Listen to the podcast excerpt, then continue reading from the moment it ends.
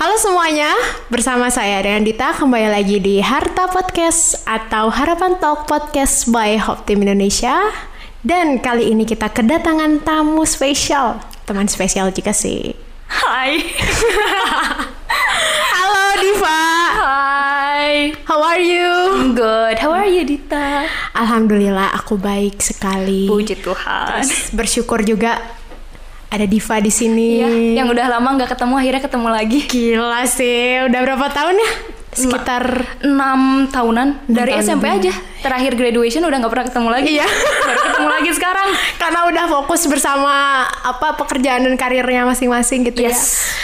Dong, tolong dong introduce yourself biar teman-teman para harta Oke, harta halo. tahu. Hai, um, nama saya Selin Diva Tular. Biasa dipanggil Selin atau Diva, it's up to you. Atau sayang, Um, bisa. lanjut, lanjut. Lanjut. Oke. em, umur, aduh, berasa tua kalau ngomong umur. 23 tahun jalan 24. Mohon maaf sama saya, saya juga. Iya kan? Berasa tua kan? Aku juga. ya operator.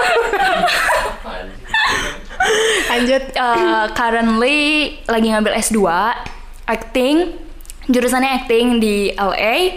Sekarang lagi di Indo karena lagi ngambil vacation break aja. Karena Covid juga jadinya balik dulu ke Indo. Ya, dan sekarang di sini sama Dita deh. Yeay. Senang sekali. Kita juga sempat live streaming bareng ya Iya. pas waktu Pas kamu gua masih ada di LA. US. Itu kita sharing-sharing juga soal tentang talenta juga, Yes. terus soal COVID di sana seperti apa Mm-hmm. gitu ya. Terus nanti lo balik ke US kapan? Desember akhir kayaknya sih sebelum New Year bakalan balik ke US soalnya eh, setahu gua tuh eh, semester baru bakalan mulai Januari 19 jadi kayak dua minggu tuh minimal dua minggu sebelum kelas mulai udah harus ada di sana Eh, harus quarantine dulu Nah, gua gua mikir kira-kira gue bakalan balik tiga minggu sebelumnya lah, soalnya gua tuh kebetulan harus pindah dari eh, apa tempat yang gue tinggalin selama di US kemarin selama 8 bulan. Jadi seenggaknya satu minggu itu bakalan gua pakai buat settle in lagi. Jadinya kira-kira tiga minggu sebelum kelas mulai gue bakalan balik ke US. Gitu. Jadinya Desember akhir lah sebelum New Year. Iya, lo ngambil ini ya acting ya di sana ya. Yes, Sebelumnya acting for ngambil apa? Sebelumnya S1 ngambil broadcasting. Ngapain Jadi- aja biasanya kalau misalnya broadcasting soal entertaining juga Eh, atau kalau broadcasting itu sebenarnya detailnya tuh lebih buat di belakang layar. Jadi eh, belajar cara ngoperasiin kamera, angle yang kayak gitulah ya. Terus juga bikin skrip cerita. Terus kayak kita eh, ngasih pitch kayak gitu. Terus juga ada eh, beberapa eh, kelas buat acting juga sebenarnya, cuman lebih fokusnya ke kamera sih kalau untuk broadcasting. kan gue sempet waktu kita satu sekolah waktu SMP gitu ya lu kan sempet jadi atlet nih Yes. atlet wushu terus kenapa nggak lanjut lagi kenapa Wushu. Pokoknya eh, untuk garis besarnya olahraga di Indonesia masih banyak tangan-tangan kotornya. oh sedih untuk mendengarnya Yes, jadi eh, wushu tuh gua eh, mulai Ya, mulai ke wushu belajar. Hmm. itu tuh umur 12 tahunan lah ya. Terus belajar wushu kira-kira 5-6 tahun. Di tahun kelima atau enam gue lupa eh, itu tuh harusnya gua eh, kayak international championship gitu ke Turki. Eh, jadi di wushu tuh kalau lu udah juara nasional eh, rank 1, 2 or 3 lu tuh secara langsung masuk jadi ke apa ya atlet nasionalnya Indonesia. Tanpa lu harus eh, seleksi lagi lah ya. Nah gue tuh ranking satu iya untuk di nomor tertentu. Gue gua main tuh toya eh, golok sama tangan kosong. Untuk toya gue dapet juara satu golok juga satu atau dua gue lupa. Eh, kalau tangan kosong gue kalau nggak salah ketiga jadi secara langsung gue tuh harusnya udah jadi atlet nasionalnya Indonesia. Eh, nah terus eh, tiap tahun tuh pasti ada kan international championship. Saat itu gue nggak tahu ada international championship. Uh, time goes on gue latihan terus uh, guru gue ngasih tahu harusnya sekarang lo tuh ada di Turki buat international championship. Terus gue gue nanya dong lah harusnya gue pergi ke sana kenapa gue di sini? Terus dia ngomong ada yang gantiin kamu. merinding sih. ada yang gantiin kamu tuh. Terus gue nanya hah? Kok bisa digantiin? Siapa? Gue nggak akan disebut nama ya Eh, dia sebut ada tuh yang eh, anak ini dia gantiin kamu. Terus aku kayak what? Why? Dia nggak masuk satu juara satu dua atau tiga loh. Cuman bisa ngegantiin. Kenapa? Gitu loh. Gue nanya kan kenapa? Ya tau lah ngasih duit ke belakang. Dari situ kayak oh shit. Gue kesel dong. Gue yang capek gue capek latihan supaya gue bisa juara. Dengan harapan someday gue bisa ikut international championship dan itu ada di depan mata gue cuman kayak diambil gitu aja sama orang yang she's not deserve it. Seharusnya dia nggak ada di tempat situ. Harusnya lu yang harusnya gue yang di gitu ya. situ cuman karena permainan uang dia bisa ada di situ. Berarti kan sama aja kayak kalau lu pikir lah ya lu nggak perlu kerja keras lu bisa ngasih duit lu bisa langsung pergi. Sangat kotor sekali Iya kan itu kayak ditambah gue udah 5-6 tahun udah kayak masa jenuhnya gitu loh. Gue udah mulai capek latihan. Ada kejadian kayak gitu gue kayak gue nggak ngeliat ada masa depan buat gue di bidang itu lagi. Akhirnya gue udahlah, gue nggak mau lagi ngelanjutin. I quit. Memang jelek juga pikiran lo apa ya kayak quit cuman karena hal kayak gitu. Cuman mungkin karena saat itu gue masih muda juga nggak berpikiran panjang ke depan jadi gue berhenti. lu juga masih muda coy Eh. Tapi berasa tua. Kayaknya udah dua tiga mau ke dua empat tuh rasanya udah kayak Iya. Iya sih bener sih kalau misalnya memang kayak nggak dianggap, bukan nggak dianggap sih, kayak feeling harusnya gue gitu. Ya mungkin ada rasa nggak adilnya gitu. Iya, itu itu lebih kayak gue yang capek. Cuman kenapa orang lain mungkin dia juga sama capeknya kayak gue. Cuman kalau dilihat dari um, apa yang udah lo dapatkan gitu ya, pencapaian lo, uh, terus orang lain yang ada di bawah lo rankingnya bisa nyelip lo gitu aja dengan uang bukan dengan talenta dia. Kalau dengan talenta di- dia sih gue kayak you deserve it. Just go on. It's fine with me. Cuman kalau dengan uang itu kan kayak bener-bener ngejatohin banget atlet yang lain gitu yang sama-sama udah capek gitu. Jadi jadi kayak gua terus akhirnya dari pengalaman yang tidak mengenakan itu lu ambil positifnya kan? Apa yang lu ambil dari gue positifnya? gue ambil positifnya ya gue mikirnya gini sih. Pasti bakalan ada terus orang kayak gitu yang mau ngambil jalan cepat buat ngambil sukses. Cuman kalau selama lu tetap uh, striving gitu lah lu, lu tetap mau kerja keras di bidang itu gimana pun ujung-ujungnya lu bakalan dapat apa yang lu mau gitu loh. Lu bakalan tetap uh, apa ya kayak meskipun susah cuman akhirnya bakalan sampai tujuan lu gitu. Walaupun beda jalan gitu iya nggak sesuai nggak dengan- sesuai. Jadi lu eh, mungkin lu bakalan berhenti atau nemuin hurdle yang lain di depan cuman mungkin dengan eh, lu menghadapi hal sulit itu lu nemuin hal baru yang lu suka.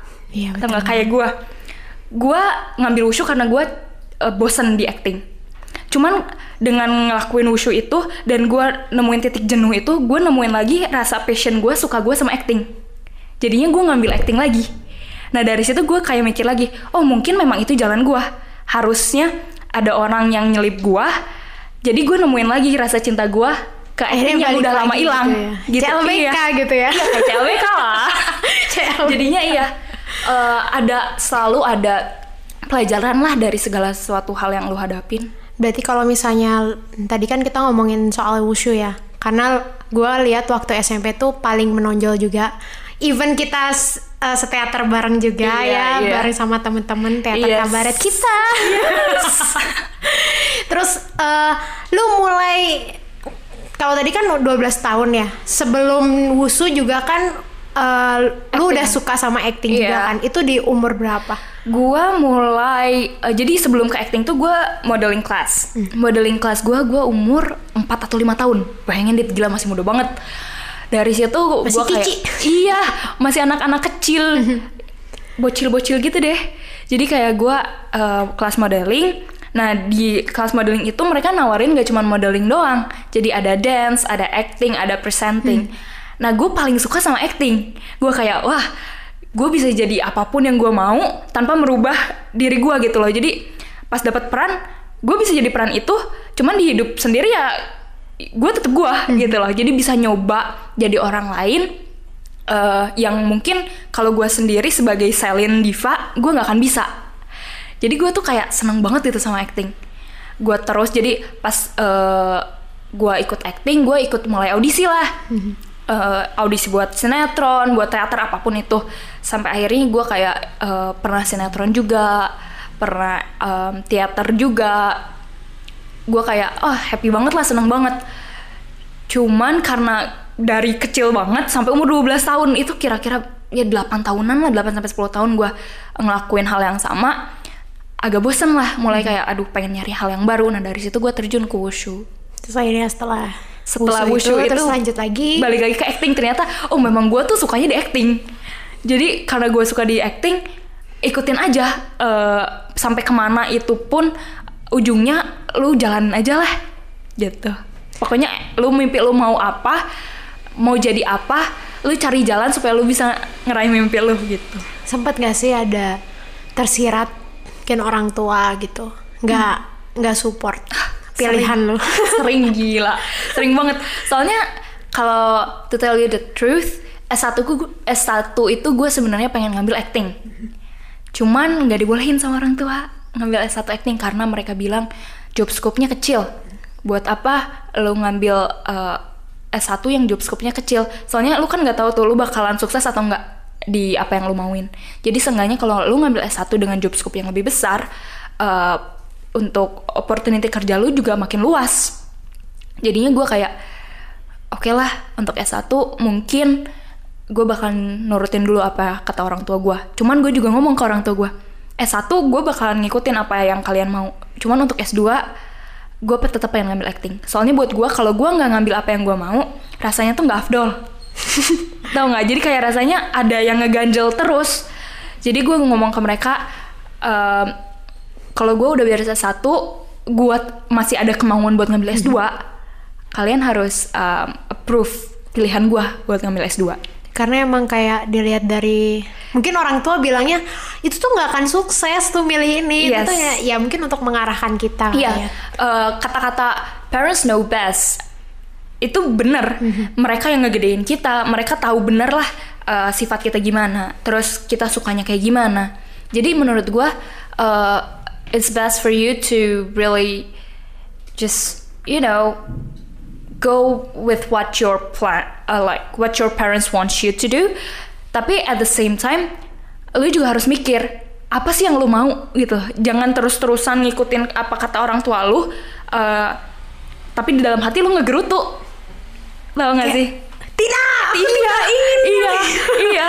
Jadi um, lu juga harus tahu apa yang lu mau gitu jadi jangan semuanya dikontrol sama orang lain Betul Itu betul. sih. Karena pada akhirnya juga lu yang ngejalanin hidup lu life is a choice dan Life choice-nya choice. itu kita yang chose gitu. Yes, Iya nggak sih? Iya, jadi eh, lu harus tahu apa yang lu mau, go for it, and just you know go with the flow. Iya benar banget sih. Terus menurut lo nih dari uh, kita kan udah belajar, maksudnya kita udah sharing soal talenta dan sebagainya gitu ya. Dan menurut kamu apakah itu sudah disebut talenta? Karena kan yang kita tahu nih, yang kita pelajarin dari kecil talenta itu kayak hobi kita, passion kita dari entah itu seni, entah itu olahraga. Itu menurut kamu, pandangan kamu atau dari experience kamu around you itu Oke. seperti apa? Kalau menurut gue talenta, talenta itu apa yang kita sukain lah, apa yang kita sukain dan kita mendalami hal itu. Menurut gue itu talenta. Jadi eh, apa pun yang kalian suka, entah itu main game, tapi kalau kalian eh, terus em, apa ya untuk mencoba lebih baik di game itu, itu udah jadi talenta kalian. Maksudnya nggak cuma buat Nggak main cuman aja, buat- tapi iya, bisa buat bener-bener entah buat- itu jadi inovasi yes, atau apa. Yes, itu talenta menurut gue. Jadi buat kalian yang berpikir kalau kalian gak punya talenta, bukan bukan kalian gak punya talenta, cuman kalian tuh belum menemukan apa yang kalian suka. Bukan kalian gak punya talenta, cuman belum bener-bener kayak men- eh, nemuin, oh gue sukanya ini nih, dan gue ada kepengen buat mendalami hal itu, Asik. gitu. Terus kalau dilihat dari lu kan pindah-pindah negara nih. Iya. Dilihat dari perspektif untuk lihat dari mencintai atau menyukai talenta Mhm. dari eksternal atau dari masyarakat mata masyarakat kamu di Indonesia, di Malaysia dan US itu kayak gimana? Supportnya itu dari keluarga dulu kah atau dari manakah? Kalau uh, um, yang gue lihat sih untuk segala sesuatu support pertama dari keluarga. Kayak bener-bener um, lu bisa ngelakuin apa pun yang lu mau. Uh, ka, apa selama keluarga lu mendukung itu bakalan lancar Um, terus yang gue lihat lagi tuh kalau di Indonesia ya orang tua tuh bener-bener involved banget di apa yang lo um, lakuin gitu loh. Jadi mereka bener-bener hands on campur tangan ngebantu lu supaya uh, lu bisa bener-bener uh, maju lah di apa yang lu sukain gitu lah ya. Kayak beliau-beliau tuh kayak tahu bestnya itu seperti Iya, apa gitu iya. ya. Jadi Betul, mereka betul, benar-benar uh, berkontribusi lah ya.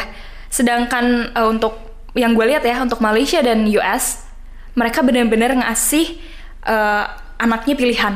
Jadi kalau uh, kan mereka tuh di di atas umur 18 tahun, anak tuh udah bisa lepas dari orang tua. Jadinya uh, kalau masih kecil mungkin masih dituntun tuh sama si orang tua buat ke sini nih kayaknya kalian bagusnya di sini uh, punya talenta di sini. Jadi mendalamilah itu. Cuman kalau udah lewat umur 18 tahun itu udah keputusan si anaknya. Jadi lu mau ngelanjutin apa yang lu suka ataupun enggak, itu udah bebas, terserah lu gitu.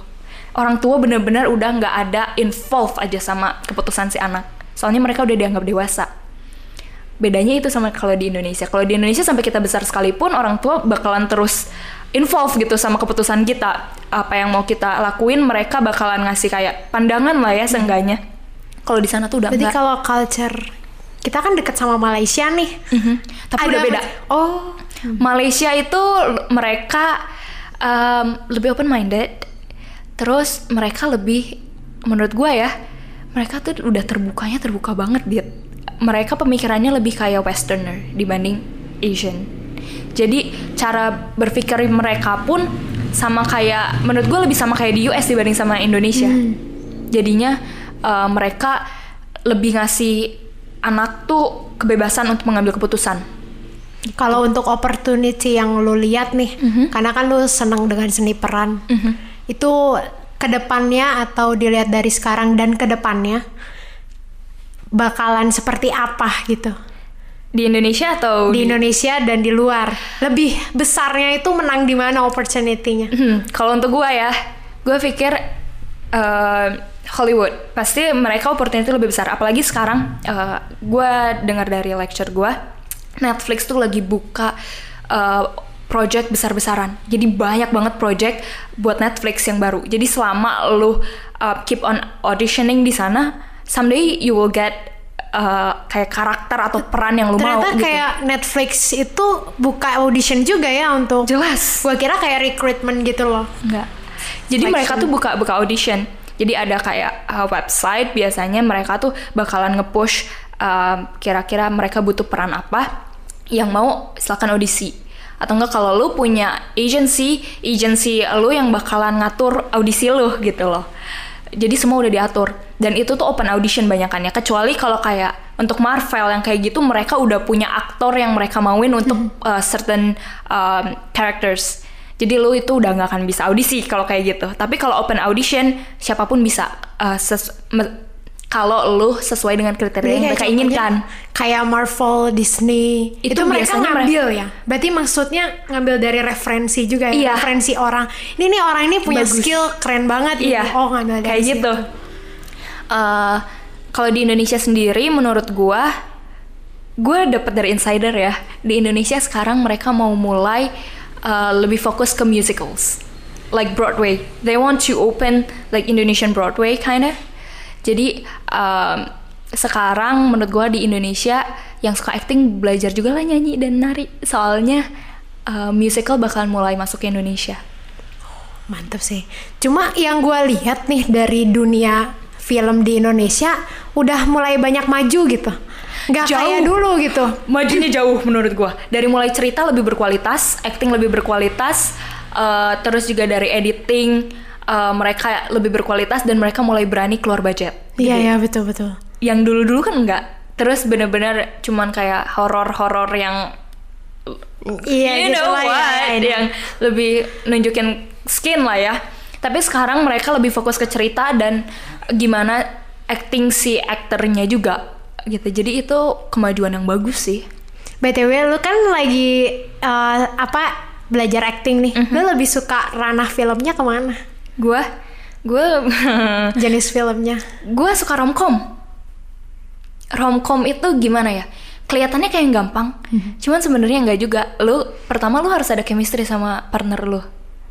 Meskipun lu nggak tahu siapa itu orangnya, cuman lu harus work on that chemistry. Terus juga lu harus bisa acting yang kayak menurut gue ya. Meskipun eh, itu kayak klise, tapi lu harus bisa bikin itu kayak nggak klise. Tau gak sih? Jadi terus juga lu harus bisa um, acting kayak natural di unrealistic situation. Kayak gitu. Itu seru aja gitu kayak uh, mungkin pertama gua gue suka romcom karena gue belum pernah pacaran dari dari kecil sampai sekarang. 20 Serius? 24 tahun sumpah beneran. Jadi kayak Opportunity it's- itu it's- para it's- pendengar harta. It's kind of like fantasy for me. It's kind of fantasy for me. Jadi kayak um, karena gue belum pernah ngalamin kayak kasmaran kayak gitu. Jadi dengan lewat romcom gue bisa ngalamin hal itu tanpa bener-bener um, putting my heart on stake. Oh iya iya iya. Lu iya, tau iya. kan kayak gitu. Jadi Rame juga ya, maksudnya Iya. explore explore explore hal yang eh, di real life gue belum gue nggak bisa explore gitu loh jadi seru juga cuman kalau untuk peran lu nanya peran apa yang bener-bener pengen gue mainin gue pengen coba mainin peran psikopat Psychopath, why? lagi lagi ini lagi bumi bumi psychopath. karena gimana ya? Itu challenging banget. Lu benar-benar harus research. Lu benar-benar harus tahu kondisi mental yang lu mainin peran yang lu mainin itu apa. Dan lu benar-benar nggak bisa mainin itu secara uh, asal-asalan gitu. Soalnya uh, kalau kayak, kayak psikopat itu kan mental illness tuh ya. Lu benar-benar harus tahu kenapa orang ini bisa jadi uh, punya mental illness itu apa sih yang society kasih ke orang ini sampai dia bisa terbentuk kayak gitu? Jadi bener-bener uh, nggak asal-asalan banget. Lu bener-bener harus research mendalam dan itu juga kayak explore hal baru yang lu sendiri nggak bisa tau nggak? Coba aja. Lu lu bukan tipe psikopat kan? Eh, nggak tahu apakah saya harus dites? Ya, psikotronik. Mohon maaf operator, tolong. jadi kan kayak you could be someone else uh, Tapi gue sempet tes psikologi untuk eh, psikopat ya. ya Iya gue. oh my god Dita no jauh jauh Enggak, enggak, tapi masih normal lah. Maksudnya masih normal nggak Hmm. sampai psikopat normal ya bisa di Ya, jadi menurut gua kayak eh, itu Kayak film Joker. challenging banget lah film Joker itu kan. Joker terus kalau sekarang di Netflix itu kayak Ratchet itu, itu kayak lebih kayak ke mental illness lah ya not house kayak gitu Asik ya. Asik. Terus kalau misalnya untuk ditanya soal favorit actress, Actor- actor and ya, actress. actress and actor. actor Johnny Depp.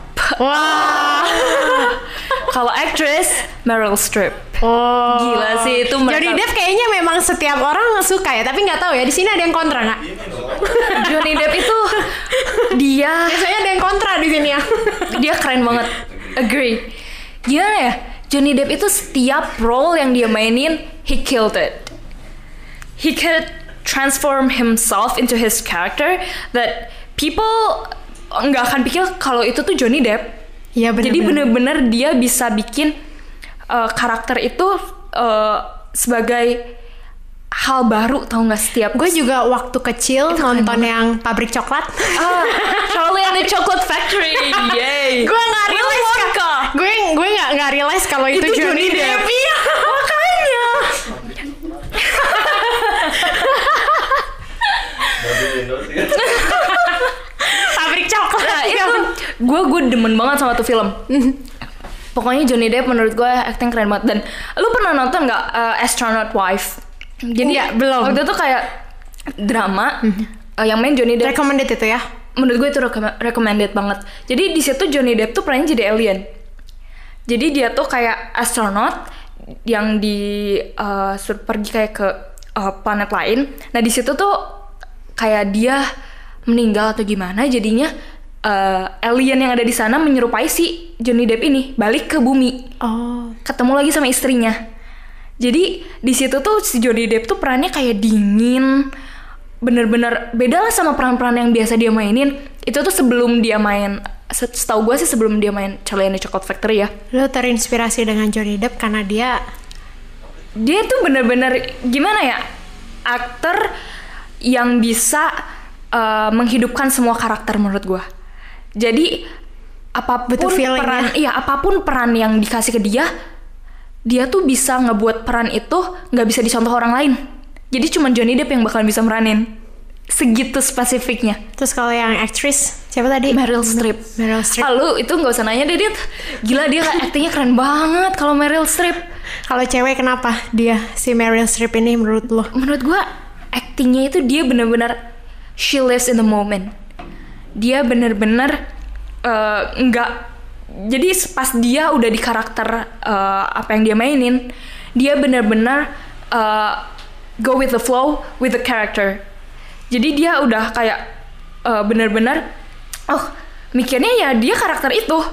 Dia nggak mikirin lagi kalau dia tuh Meryl Streep atau siapa pun itu. Jadi benar-benar in the moment kalau pas dia acting dia sedih iya dia acting dengan perasaan yang dia rasain saat itu nggak nggak dia dia nggak mencoba untuk uh, ngikutin apa yang ada di skrip tau nggak jadi benar-benar apa yang dia rasain dia keluarin lewat acting itu yang bikin spesial dari Meryl Streep Mantap. Keren. Ada yang mau nanya operator? Tio. Sorry ketawa gue. Dia bertalenta juga. sih.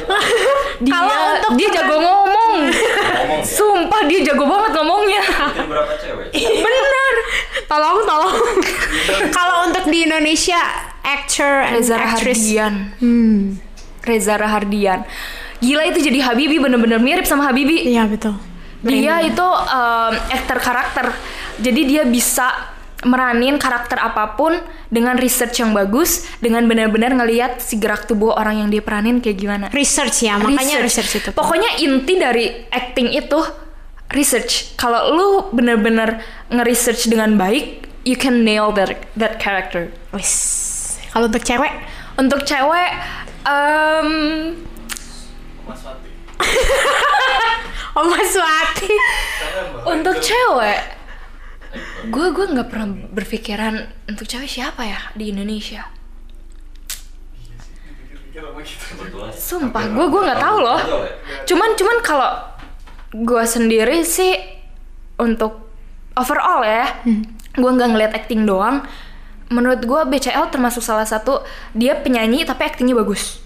Iya iya benar-benar. dia actingnya juga bagus. Actingnya uh, dia believable dia nggak coba buat-buat uh, dan itu keluar bagus gitu loh di layar kelihatan bagus dan chemistry sama uh, aktor lainnya itu bagus juga menurut gua oke BCL juga termasuk aktris oke lah gue nggak pernah mikir bener-bener nggak pernah mikirin loh untuk aktris di Indonesia yang bener-bener bagus aktingnya gue nggak pernah mikirin Menurut Tapi gua- yang lo keluarkan tadi kan BCL. BCL. Iya. Karena dia uh, di nyanyinya dia oke, di actingnya juga oke. Jadi both goes well lah menurut gue. Overall ya. Overall. Terus kalau untuk kita ke next topic asik Oke. ke next topic. Apa yang menyebabkan wanita takut untuk menyuarakan dirinya sendiri Double dalam standard. pengembangan diri Double standard. di Indonesia? Itu jelas di mana-mana ada. Jadi kayak um, apa ya? Pertama, opportunity buat perempuan itu lebih sedikit daripada untuk laki-laki. Terus apresiasi dari orang untuk perempuan itu lebih kecil daripada untuk Iya, laki-laki. betul, betul. Itu pasti bikin perempuan uh, down duluan sebelum dia memulai. Jadi dia pasti mikir kayak meskipun gue sebagus uh, laki-laki, pandangan orang lain terhadap apa yang gue lakukan nggak akan Sama. sebesar, nggak akan sama seperti apa yang laki-laki dapatkan. nggak bisa diukur juga kan karena Iya. itu semua relatif juga kan. Iya, cuman menurut gue salah satu um, yang benar-benar apa ya mempengaruhi itu double standard. Terus juga um, mungkin untuk perempuan uh, dia untuk apa ya untuk memulai hal, hal yang baru itu butuh keberanian yang lebih banyak. Dan kadang-kadang perempuan takut untuk uh, ngambil langkah itu. Takut berkarir. Takut berkarir. Setelah punya anak gimana? Iya. Terus juga ya itu dari society juga pandangan orang lain mempengaruhi terhadap- juga ya mempengaruhi kayak banget. doktrin society juga Yes. Stereotypes. Stereotypes kayak em, perempuan tuh stereotypesnya kan jadi ibu aja, tinggal di rumah, Hmm. eh, ngurus anak, bantu suami. kalau cases di sini ya di, Iya. this country ya Iya, jadi kayak hal itu tuh bener-bener mempengaruhi pola pikir perempuan untuk eh, ngambil hal baru di hidup mereka untuk ngela- ngelakuin apa yang mereka suka. Karena apa yang society eh, tanamkan ke pikiran mereka dari kecil itu itulah hal-hal yang perempuan itu harus jadi ibu rumah tangga, ngurus anak, bantu laki-laki, bantu suaminya. Udah itu aja. Nah, itu yang bener-bener bikin perempuan takut untuk ngambil langkah baru. kalau misalnya dari dari lingkungan lu, dari gua keluarga gua, terus dari gua sendiri gitu kan. Mereka kan maksudnya open minded dan meng- mem- apa ya? membebaskan untuk Berkarya, gua ya, atau perempuan sama kamu untuk berkarya gitu ya. Gimana kalau misalnya di luar sana atau teman-teman harta ternyata memang masih dikekang gitu loh. Untuk bisa nyampe ke pengembangan diri dia sendiri gitu, Mhm. untuk uh, milih kehidupan atau karirnya jalannya dia sendiri itu seperti apa? Karena kita kan bebas gitu, iya. Iya, nggak sih? iya, Karena iya. walaupun kita ada ngeyel-ngeyelnya kayak nggak disupport sama orang tua, tapi pada akhirnya disupport karena mereka open gitu sama kita gitu, kayak gimana? Kalau menurut gua sih ya, pertama lu harus nyari du- kayak bener-bener refleksi diri lu sendiri kayak apa sih yang lu suka? Apakah lu bener-bener suka dengan hal itu atau eh, lu suka dengan hal itu eh, cuman untuk kayak ngeyel, cuman untuk kayak gue pengen ngelakuin ini karena sama orang lain gak boleh. Lu bener-bener harus refleksi dulu ke diri lu sendiri. Kalau lu bener-bener suka sama hal itu, go for it. Meskipun uh, society atau keluarga lu sendiri bilang lu nggak bisa, yang tahu lu bisa atau nggak itu diri lu sendiri. Iya. Jadi lu harus uh, percaya sama diri lu sendiri pertama. Terus meskipun orang lain bilang lu nggak bisa, lu harus tetap coba. Jangan nyerah lah dengan apa yang lu suka karena uh, itu tuh kayak kebahagiaan lu tuh ada di hal yang lu suka juga. Kalau lu ngelakuin apa yang lu suka, uh, kebahagiaan itu ada di depan mata. Jadi ya menurut gua Tapi ini nggak eh, klaimnya ini nggak nggak untuk wanita aja sih, tapi Nggak, kan general, in itu. general. Karena kan general. ada yang anak cowok, kamu harus menjadi Iya. dokter.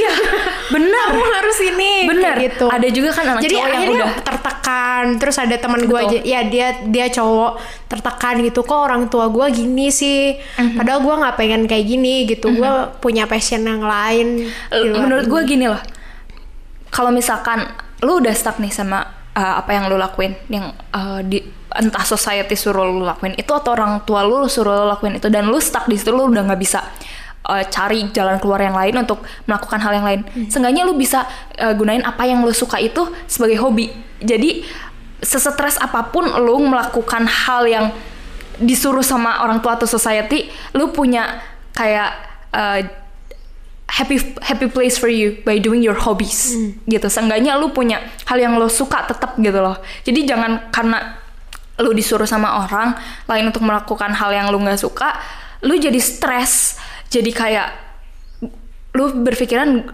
lu udah nggak bisa ngelakuin apa-apa padahal enggak lu tuh masih bisa ngelakuin hal yang lu suka meskipun hanya sebagai hobi nggak bisa dijadiin karir cuman lu tetap bisa jadiin hobi Walaupun nggak kelihatan ya. Iya. Kadang kita kan harus bersembunyi-sembunyi. Iya, cuman seenggaknya lu nemuin kayak you found a light in a dark place gitu loh.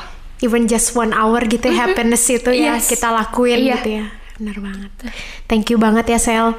Terus lanjut nih yang terakhir. Asik. Ah. Jadi sedih. Harapan untuk diri kamu sendiri untuk sekarang sampai nanti in the future. Dan bersama pendengar harta. Kalau harapan buat diri sendiri untuk harta sih, em, sekarang gue melakukan apa yang gue suka.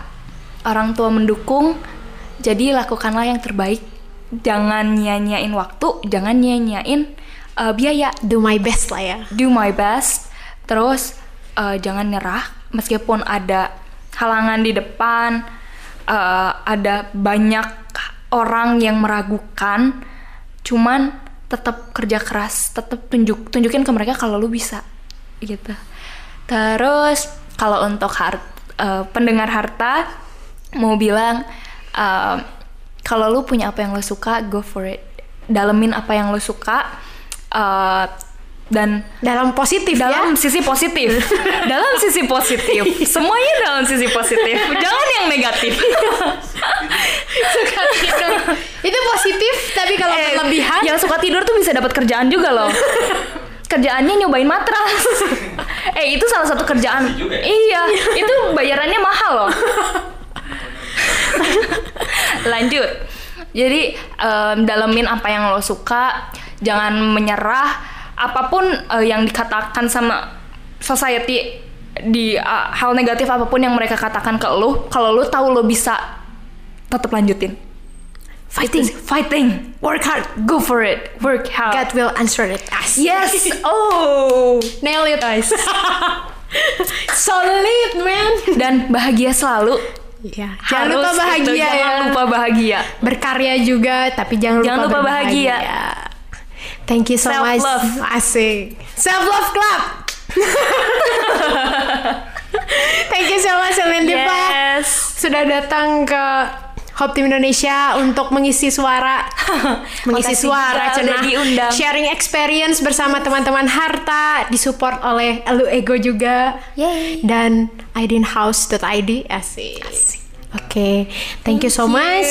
Bersama saya Dita dan Celine Diva salam Hope Team Indonesia, one share, one life.